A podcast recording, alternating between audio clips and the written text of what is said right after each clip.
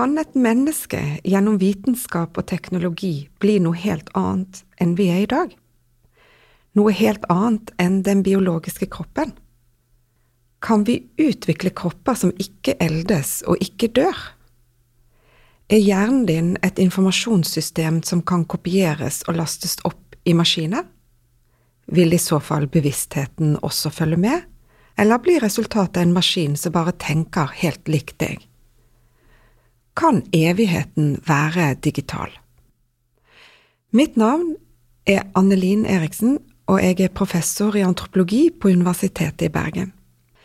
Disse store spørsmålene om evighet og udødelighet i lys av ny teknologiutvikling er tema for min nye bok, som kommer på universitetsforlaget i begynnelsen av 2023.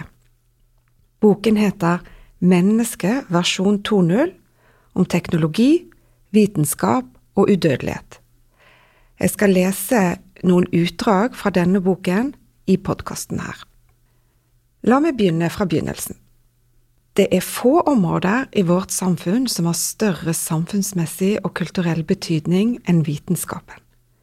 Vitenskapen skal gi oss fremtiden. Kan vi i det hele tatt tenke oss en fremtid uten også å tenke vitenskapelige fremskritt? Vitenskap, slik vi bruker begrepet på norsk, i motsetning til det engelske begrepet science, omfatter både samfunnsvitenskapene og humaniora i tillegg til naturvitenskapene. Likevel, når vi snakker om vitenskapen i den offentlige debatten, er det ofte den vitenskapen som gir oss fremskrittet vi refererer til. Den vitenskapen som gir oss vaksinene, som gir oss ny forståelse av hvordan naturmiljøet endrer seg, som gir oss nye oppdagelser av verdensrommet, av tid og rom.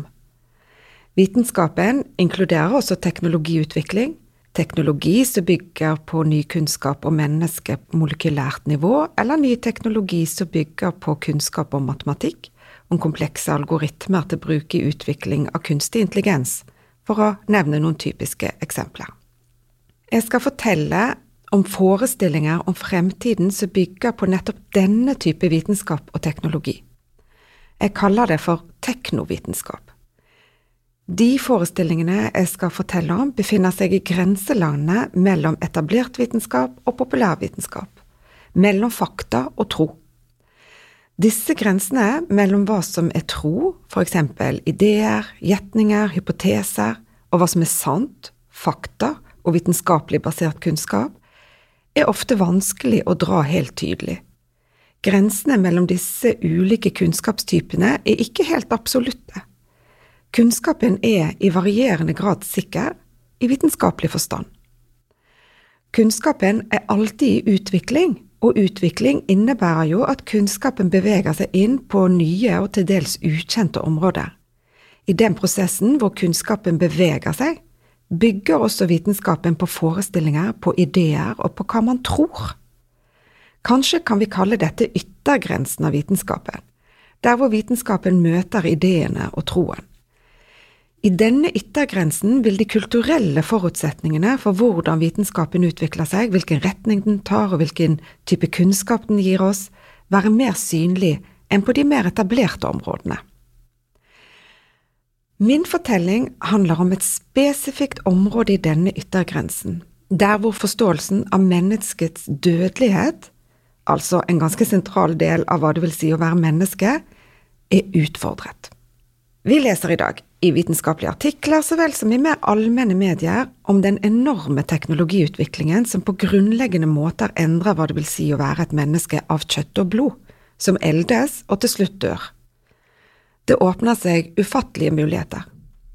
Vi leser om antialdringsmedisin, at aldring skal, skal forstås som en sykdom, og at selve kuren er å stoppe eller til og med reversere aldringsprosessen. Noen er såpass sterke i troen på nettopp denne type vitenskapelig utvikling at de fryses ned i nitrogen, sånn at kroppen skal bevares til man finner aldringskuren. Dette kalles kryonikk. I populærvitenskapelige tidsskrifter, i sosiale medier, i vitenskapsblogger kan vi lese om hvordan koblinger i hjernen, såkalte synaptiske strukturer, kan kopieres og, en gang i fremtiden, åpne muligheten for at vi kan laste opp bevisstheten vår i datamaskiner. såkalt mind upload. At vi kan leve videre ved hjelp av kunstig intelligens. Hvem er dette mennesket som ikke eldes, og som ikke dør? Hvem er mennesket versjon 2.0? Jeg skal straks gi noen helt konkrete beskrivelser av disse prosjektene som nettopp vil skape mennesket versjon 2.0. Men la meg først veldig kort si noe om hvilken kunnskapsstatus antropologisk forskning har. Hva er det dere skal få vite noe mer om nå? La meg med en gang si hva dere ikke skal få vite. Jeg skal ikke forklare hva som faktisk vil være mulig i fremtiden, heller ikke hva som burde være mulig, eller hva som er den riktige utviklingen i etisk forstand. Jeg gjør noen små, utvalgte dypdykk inn i det mange vil tenke på som ekstreme forestillinger og ekstreme prosjekt, for å prøve å forstå hva dette fenomenet representerer som et kulturelt fenomen.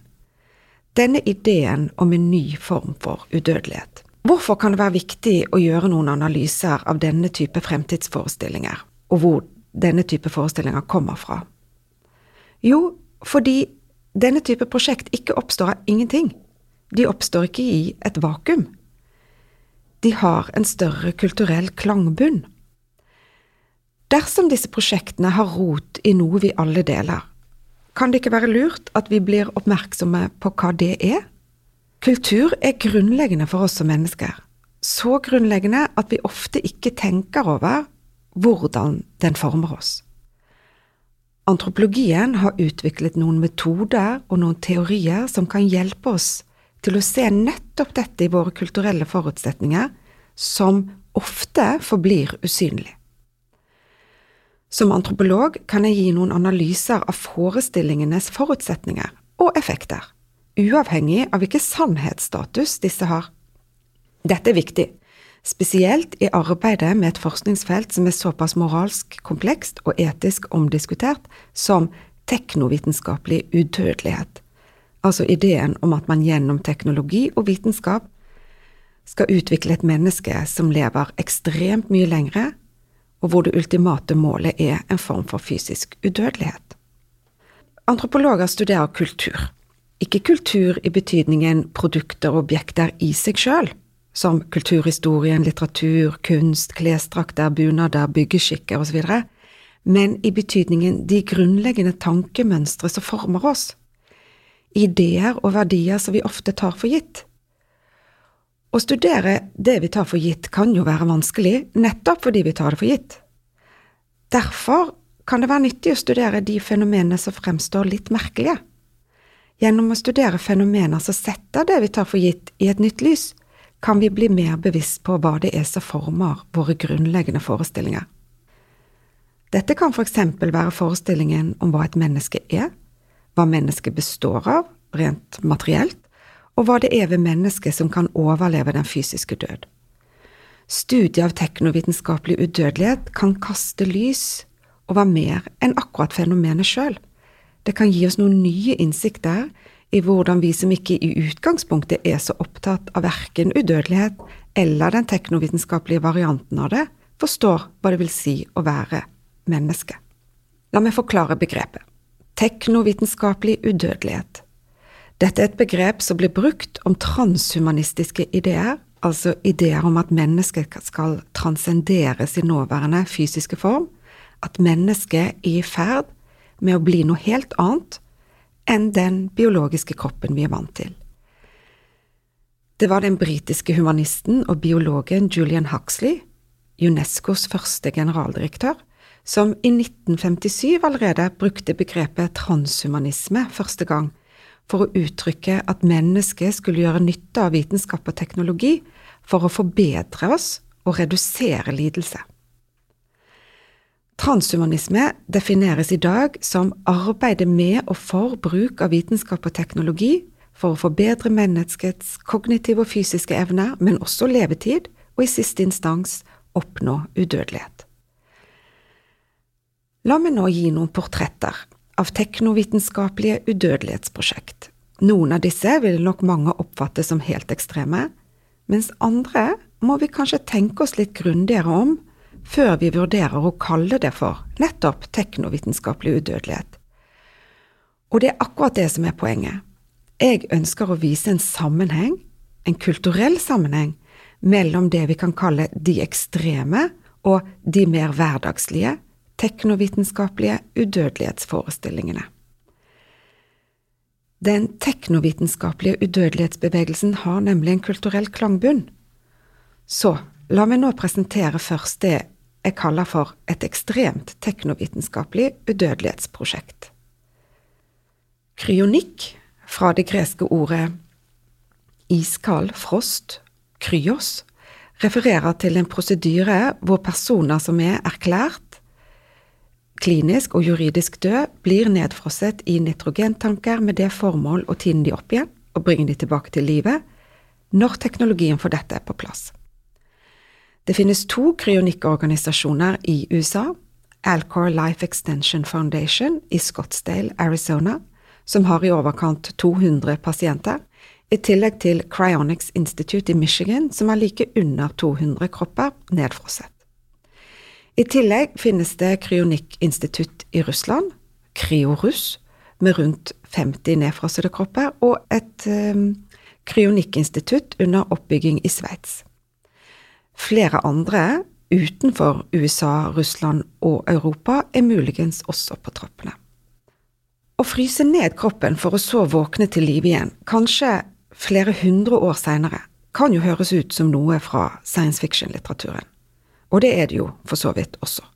Det er hyppige referanser til ulike former for kryonikk, som cryosleep, i kjente science fiction-filmer. Heltene i Interstellar, som reiser gjennom ormehull og opplever tid og rom i nye konstellasjoner, eller den ikoniske 2001 A Space Odyssey, er avhengig av kryopreservering. Den biologiske menneskealderen er for kort for utforskning av verdensrommet. Kryopreservering har imidlertid også en vitenskapshistorie. Abu Farman forteller i sin bok On Not Dying fra 2020, som handler spesifikt om kryonikk i USA, at ideen om kryobiologi ble etablert av den katolske presten og biologen Basil Louier. Han var en sveitsisk immigrant med doktorgrad i biologi og fysikk som kom til USA i 1929. Her etablerte han The American Foundation for Biological Research, hvor han studerte utvikling av liv under lave temperaturer, senere kalt kryobiologi. Louier observerte sine eksperimenter at liv kunne stoppe for så å begynne igjen etter nedkjøling. Både Louier og andre forskere i kryobiologifeltet var spesielt interessert i å studere sæd, fra frosker i Louiers tilfelle, eller hos kyllinger. Det var nettopp i forsøk på kyllingsæd at eksperimentene hadde positiv effekt. Det var den britiske biologen Christopher Polch som først gjennomførte et slikt vellykket eksperiment på oppdrag av kyllingindustrien i England på slutten av 1940-tallet.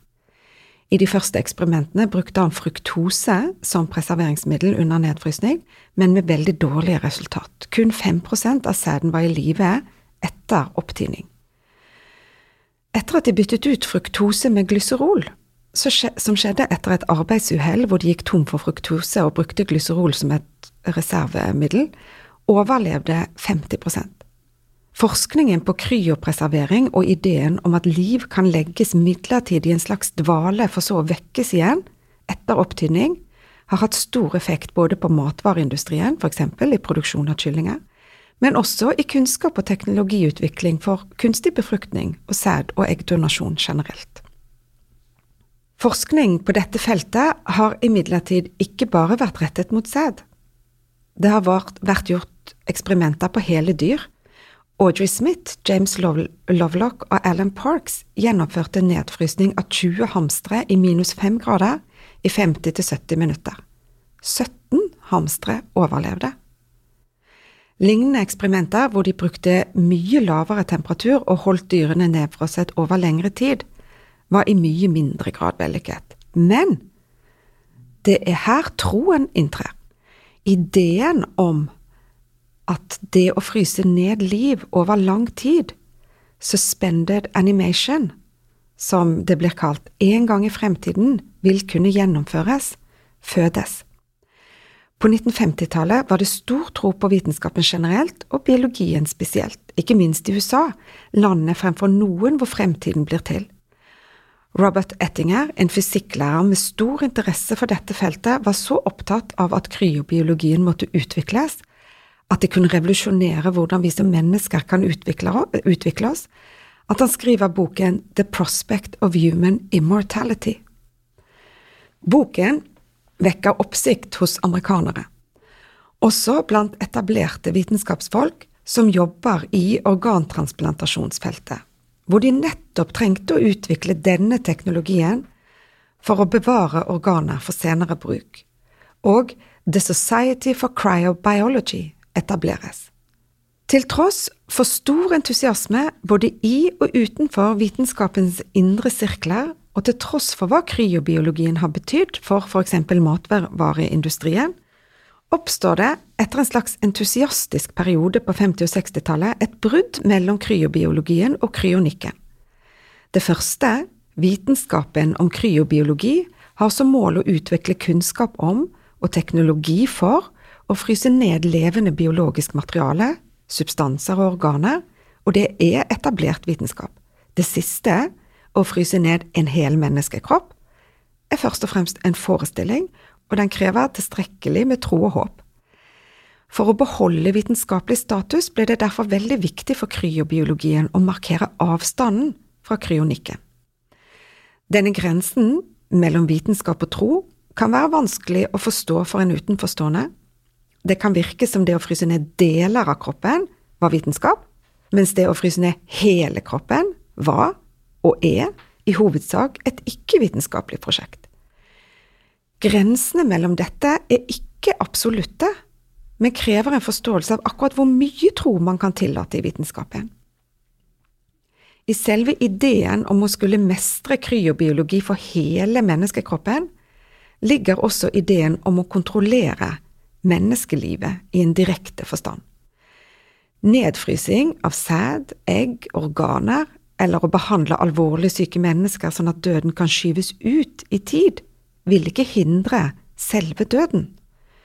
Kryobiologi av hele kroppen baserer seg på en idé om kontroll i en total forstand over døden selv. Og på dette punktet distanserer vitenskapen seg fra kryonikken. Forskjellen er nettopp dette. Den etablerte kryobiologien gir kunnskap og teknologi for å fryse ned deler av kroppen. Kryonikken vil ta dette ekstra skrittet og vil fryse ned hele kroppen, og mener dette er, i prinsippet, mulig.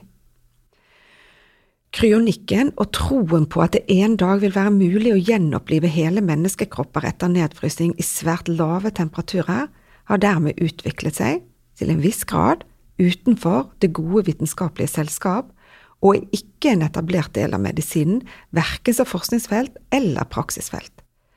Men dette er en tynn linje, en nesten usynlig grense, mellom kryobiologien og kryonikken, og det er her distinksjonen mellom vitenskap og tro oppstår.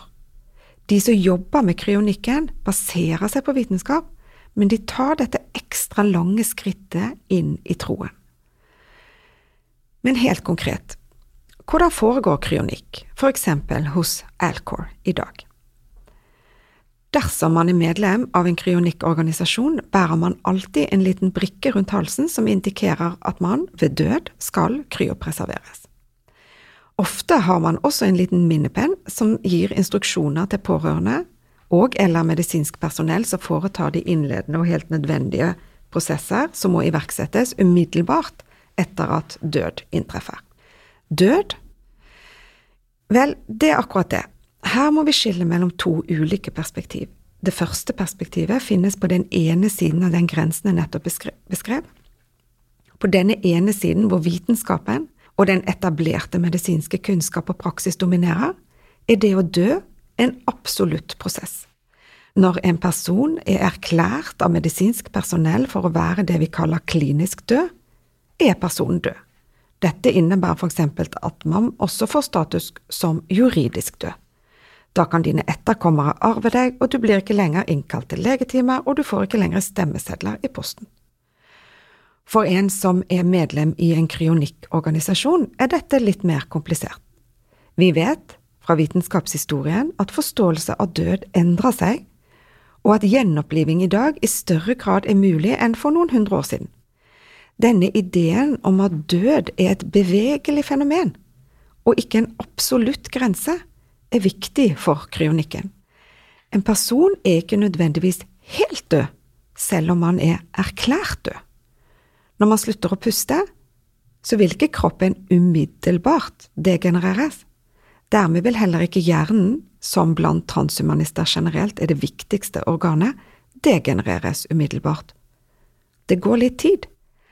For transhumanistene er kryonikk en måte å holde en pasient kunstig i livet på, selv om han altså er erklært død. Max Moore, som er en profilert amerikansk transhumanist og president for Alcor, kaller kryonikk for emergency medicine, altså akuttmedisin eller livreddende medisin. Han påpeker at hvordan man tenker om livredning, jo har endret seg fra munn-til-munn-metode til hjertekompresjonsmaskiner. Kryopreservering må forstås som en ny og mer avansert livreddende medisin, mener Max Moore. Han, og transhumanister med han, argumenterer for at de bare ligger litt foran den aksepterte medisinen. De forstår grensen mellom liv og død litt bedre, og de har utviklet noen bedre metoder for livredning. Men hva ligger det i denne formen for livredning? Hva er det man helt konkret redder ved kryopreservering? Jo, det man redder, er informasjon. Så lenge man kan redde informasjonen, er man ikke død. Transhumanistene bruker begrepet informasjonsteoretisk død den endelige utgang fra livet, den endelige død, oppstår når det ikke lenger er mulig å gjenskape informasjonen som befinner seg i hjernestrukturen hos et menneske.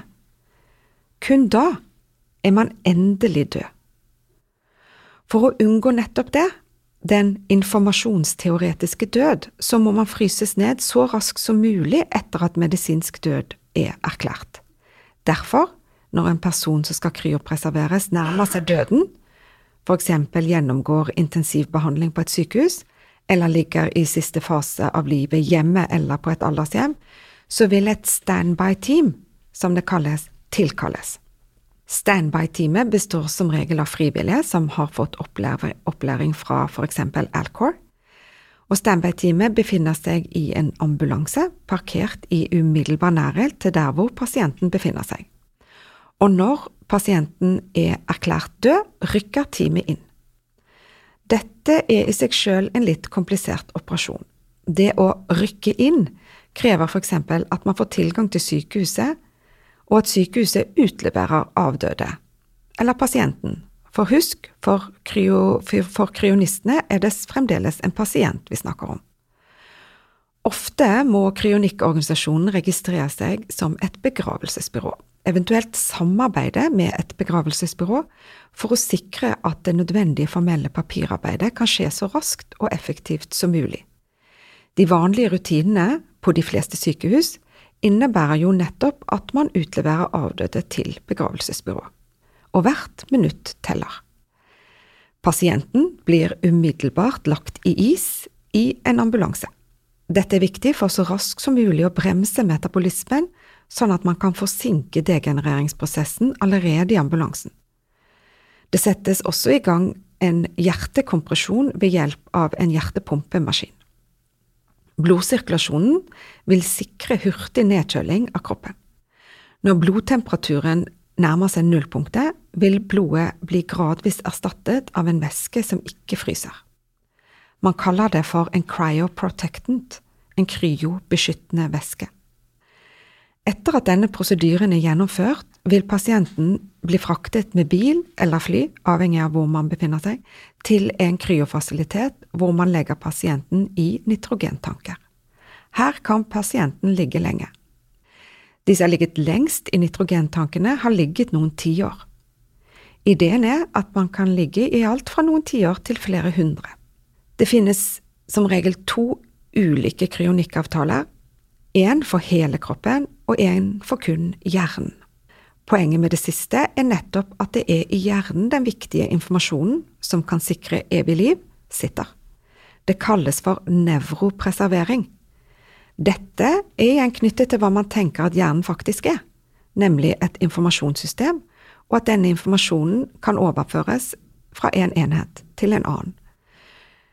De forstår hjernen som en datamaskin, og minner, personlighet, forståelse osv. som data som overføres og kan lastes opp. Og denne ideen om at hjernen er nøkkelen til hva du er som menneske, og kanskje viktigst av alt, at det er her bevisstheten sitter, er sentral. Dette er også sentralt for hva som skjer når du da en gang i fremtiden tines opp igjen. Ikke bare skal kroppen din, dersom du altså har en full kroppforsikring, kunne kureres for den sykdommen som i første instans sendte deg inn i kryonikken, men du skal også kunne, om du vil, få en helt annen kropp, som kanskje er yngre og friskere enn den du hadde, eller kanskje er laget av silikon. Sentralt i kryonikkprosjektet er ideen om vitenskapens fremskritt og at moderne medisin skal komme så langt at opprinnelig dødsårsak kan kureres. Faktisk at aldring er kurert. Som Max Moore sier i et intervju, We will not wake you up until we have cured aging. Når du en gang i fremtiden våkner fra nitrogendvale, er aldring et tilbakelagt stadium. Mye annet skal ha skjedd også. Vi vil for eksempel ha teknologi som skal gjøre det mulig å leve på helt andre måter, for eksempel laste opp sinnet ditt i en datamaskin. Vi kan kanskje se et skille her mellom det vi kan kalle første generasjons kryonikk, som i stor grad var basert på hele kroppen, og som handlet om et fremtidig liv i samme kropp, og det vi kan kalle for andre generasjons kryonikk, som i mye større grad er rettet mot hjernen, og ideen om at det er bevaring av hjernen og muligheten for å kopiere hjernen for overføring til andre enheter som er sentral. Som Max Moore sier, han vil ikke leve videre i en gammel kropp, selv om det er hans egen biologiske kropp. Når hans hjerne en gang våkner fra nitrogendvale, vil han ha en ung, frisk kropp å leve videre i inn i evigheten. Nyere kryonikk, eller biostase som de i økende grad blir omtalt som, utvikler teknologi som preserverer for kopiering. Det er, slik som de tenker seg det, ikke nødvendig å få din egen hjerne til å fungere igjen etter nedfrysning i lang tid i nitrogen. Hovedmålet er å bevare nøyaktig de fine hjernestrukturene, for dette kan gjøre det mulig å lage en kopi. Med andre ord, ideen er at du våkner igjen et helt annet sted enn i din egen hjerne, eller i ditt eget hode. Bevisstheten din befinner seg i en annen enhet. La oss se litt nærmere på dette med å kopiere bevissthet.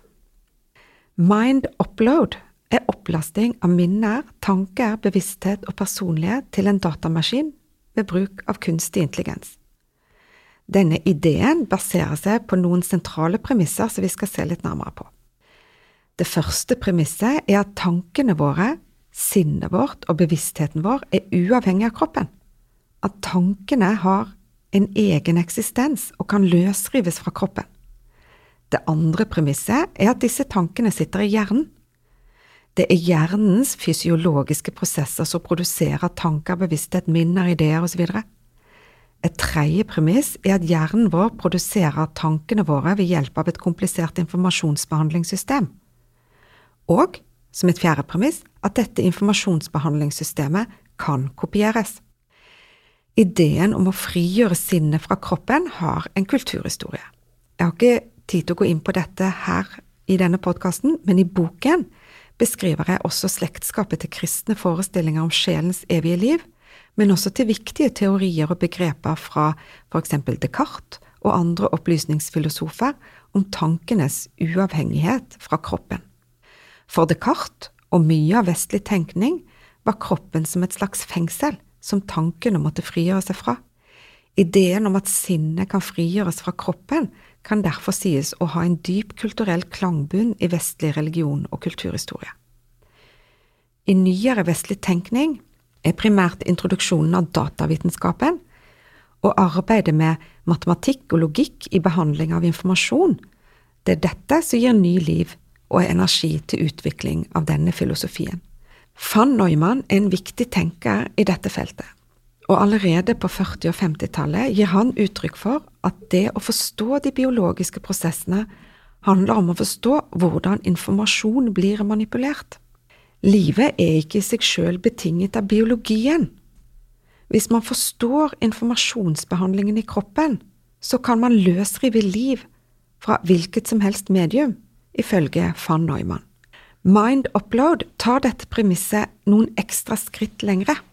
Menneskets evne til å tenke, menneskesinnet, sitter i hjernen, helt konkret i hjernens nevroner. Mekanismene som opererer i hjernens nevroner er logiske og kan forstås som en maskin som prosesserer logiske strukturer, algoritmer.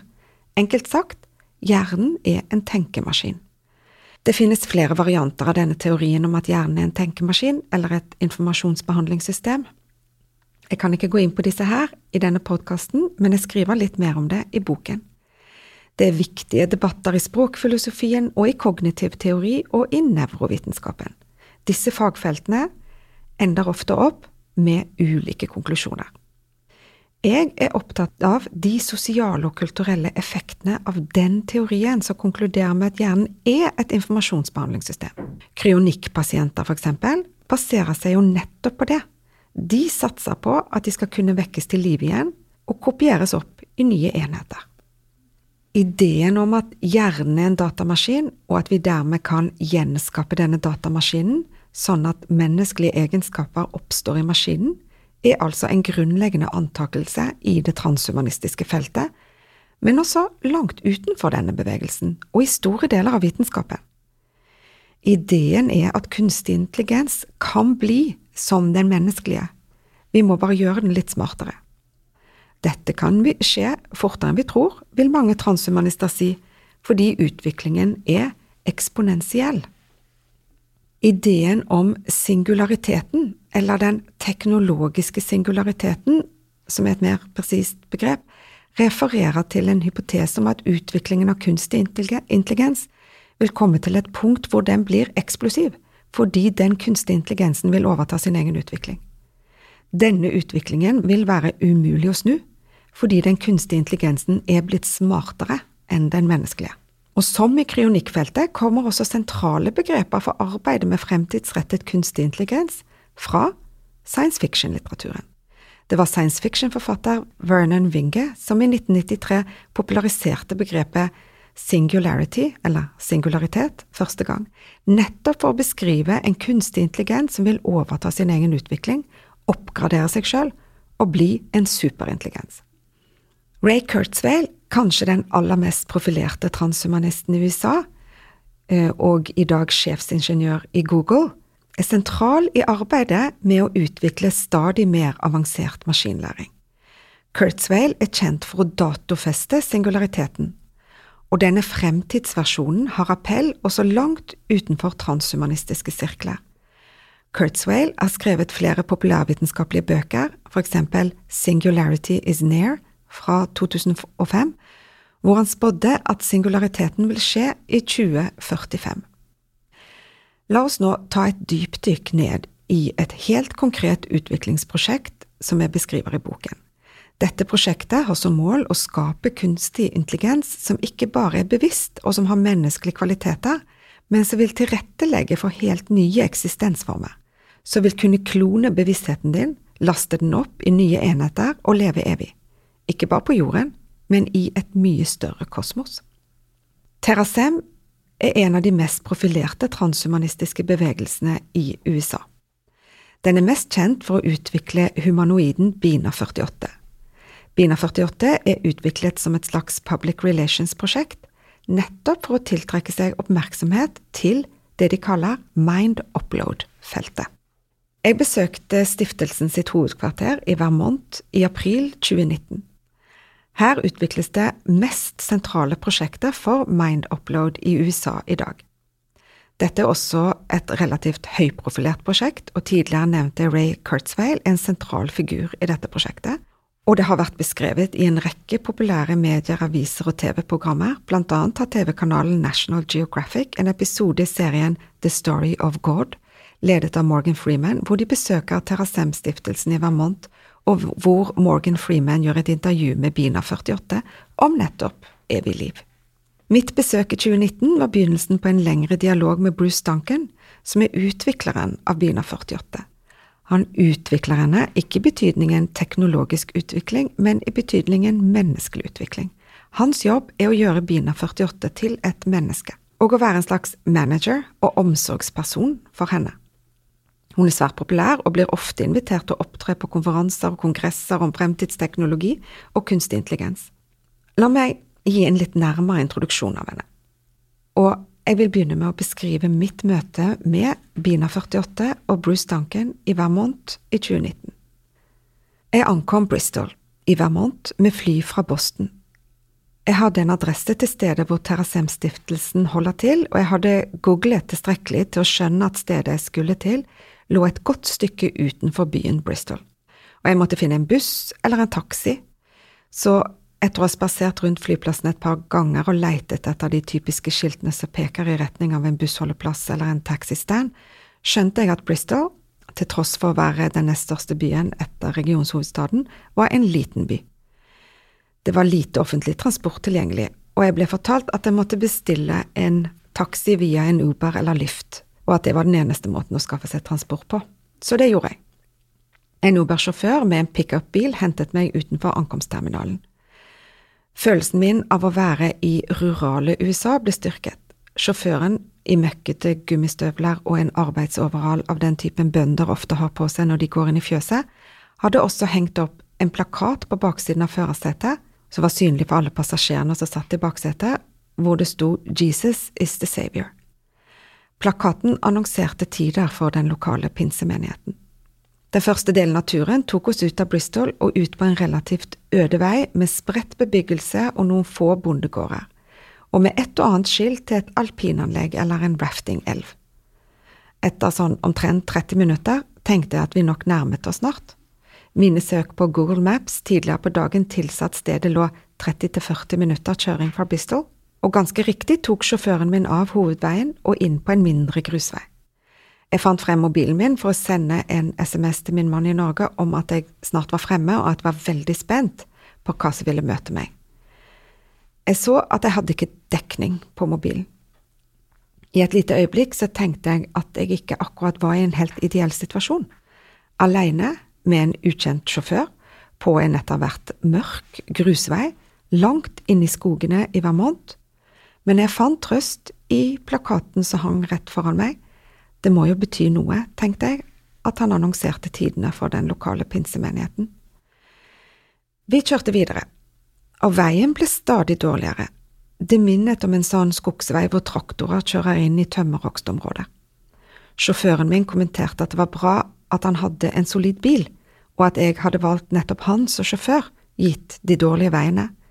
Dette var forresten det første han sa til meg etter ca 40 minutter i bilen. Vi kjørte i enda ti minutter, og jeg begynte å lure på om jeg kunne ha tatt helt feil, av stedet her, eventuelt av sjåføren, og jeg sjekket igjen etter dekning på mobilen, til ingen nytte, og jeg kjente at jeg ble litt nervøs og at omstendighetene innhentet meg.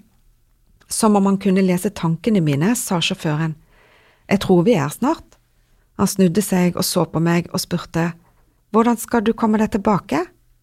Vil du at jeg skal vente? Er det et langt besøk? Jeg tenkte meg om og konkluderte med at han hadde et veldig godt poeng. Jeg hadde helt klart undervurdert hvor isolert dette stedet var, og hvor langt inn i de innerste skogene av Vermont jeg nå befant meg, og jeg svarte at jeg trodde det kunne være en veldig god idé å avtale et tidspunkt hvor han kunne hente meg. Han bodde ikke så langt unna, forklarte han, og han kunne komme tilbake om noen timer. Veien foran oss åpnet seg litt, og vi kom til en port og et langt hvitmalt gjerde. Innenfor porten lå det et stort gårdshus med lemmer og store sprossevinduer, som et slags salgsbilde på amerikansk country living, som fra et interiørblad eller en reklame for ferier i Vermont. Her, altså, befinner Bina 48 seg. en humanoid, som representerer det transhumanistene ser på som det neste mennesket. Denne beskrivelsen av min ankomst til Terrasem-bevegelsen sitt hovedkvarter i Vermont formidler en litt uvanlig historie om hvor denne type prosjekter finner sted. Dette er ikke Silicon Valley akkurat, dette er ikke Harvard eller MIT eller Boston high-tech-miljøet. Dette er langt inne i skogen i Vermont, og mannen som møter meg, er ikke en IT-entreprenør som har Elon Musk-aspirasjoner. Tvert imot, Bruce Duncan som åpna dørenæringa på, er en pensjonert sosiolog med spesialisering i familieterapi. Han er en slags idealist som ønsker å vise at mennesket er mangfoldig. Vi må alltid utfordre hva vi forstår som det menneskelige, sier han. Historien har vist at vi alltid ekskluderer basert på kjønn, på hudfarge, på rase, fortsetter han. Han snakker om Black Lives Matter-bevegelsen og den rasismen USA som nasjon er bygget på, om oppgjøret man aldri har tatt med strukturell rasisme. Vi må se oss sjøl i speilet, sier han. Bina 48 er et sånt speil, forklarer han meg. Hun skal utfordre oss, og vi skal spørre oss sjøl hvem er det udødelige mennesket? Hvem blir utvalgt for å bli udødelig? Terasem har ikke valgt tilfeldig. Men hvem er Bina 48? Jo, hun er modellert på Bina Rottblatt, konen til transkvinnen Martine Rottblatt, tidligere Martin Rottblatt, som eier et stort legemiddelselskap i USA og er nær bekjent og alliert av Ray Kurzweil, tidligere nevnte sjefsingeniøren i Google. Sammen har de bygget opp Terrasem-bevegelsen som et initiativ som skal fremme udødelighetsteknologi. Bina 48 er spydspissen. Terrasem-bevegelsen har utviklet en sentral hypotese, og Bina 48 skal bevise hypotesen. Terrasem-hypotesen er som følger, og dette er min oversettelse fra engelsk. 1. Bygging av tilstrekkelig detaljerte bevissthetsfiler muliggjør et fremtidig bevissthetsprogram som kan gis liv og eksistere som en analog til den opprinnelige bevissthet som skapte den. 2. Bevissthet som er gitt liv i en bevissthetsfil, kan lastes ned i nano-, bio- eller cellegenererte kropper og kan fortsette det rike livet som er reflektert i bevissthetsfilen. Hans Moravec beskrev i 1988 ideen om å laste opp sinnet i boken Mind Children. Moravec mente nanoteknologi ville gjøre en kopieringsprosedyre mulig. Hypotesen innebærer at dersom hvert eneste nevron i hjernen kan kopieres og gjenskapes i en kunstig form, så vil den biologisk genererte bevisstheten kunne overføres til en ny enhet. Ideen har fått navnet The Moravec Transfer. Jeg har nå gitt noen korte utdrag fra kapitlene i boken min hvor jeg beskriver det jeg kaller for de ekstreme teknovitenskapelige udødelighetsprosjekt, kryonikk og mind upload. Jeg har også pekt på en viss sammenheng mellom de, og jeg har vist at ingen av disse prosjektene er tatt ut av ingenting, og at de har en spesifikk kultur- og vitenskapshistorie. Nå skal jeg veldig kort gi et portrett av en mye mer allmenn idé, som jeg også beskriver i boken, og som slekter på disse to mer ekstreme udødelighetsprosjektene. Men det er også noe helt annet. Et interessant produkt av den amerikanske entreprenør- og konsumkulturen er digitale tjenester som tilbyr en form for evig liv i form av digitale avatarer og online minnesteder. Dette er et stort fenomen som spenner alt fra Facebook-kontoer som overlever en persons død, til faktiske digitale avatarer som kan se, snakke og være som deg. Noen eksempler. Den tidligere omtalte Terrasemme-organisasjonen, som har utviklet Bina 48, har også lansert det de kaller for The Lifenote Project. Lifenote, fra ordet astronaut, er for de selvbevisste og erklærte transhumanister. Lifenote handler om å lage bevissthetsfiler for sitt eget digitale, evige liv. Det innebærer en forflytning av bevissthet fra den fysiologiske kroppen til cyberspace. Men det finnes også en rekke andre tilbud utviklet i entreprenørmiljøet rundt MIT i Boston eller i Silicon Valley så la deg lage av digitale avatarer av deg sjøl, eller noen du er glad i. Ikke nødvendigvis for ditt eget evige liv, med andre ord, men for de etterlatte. Replika.ai er for eksempel en online-tjeneste som ble utviklet av Eugenia Kuyuda, en AI-utvikler som plutselig og uventet mistet sin beste venn, Roman Masurenko.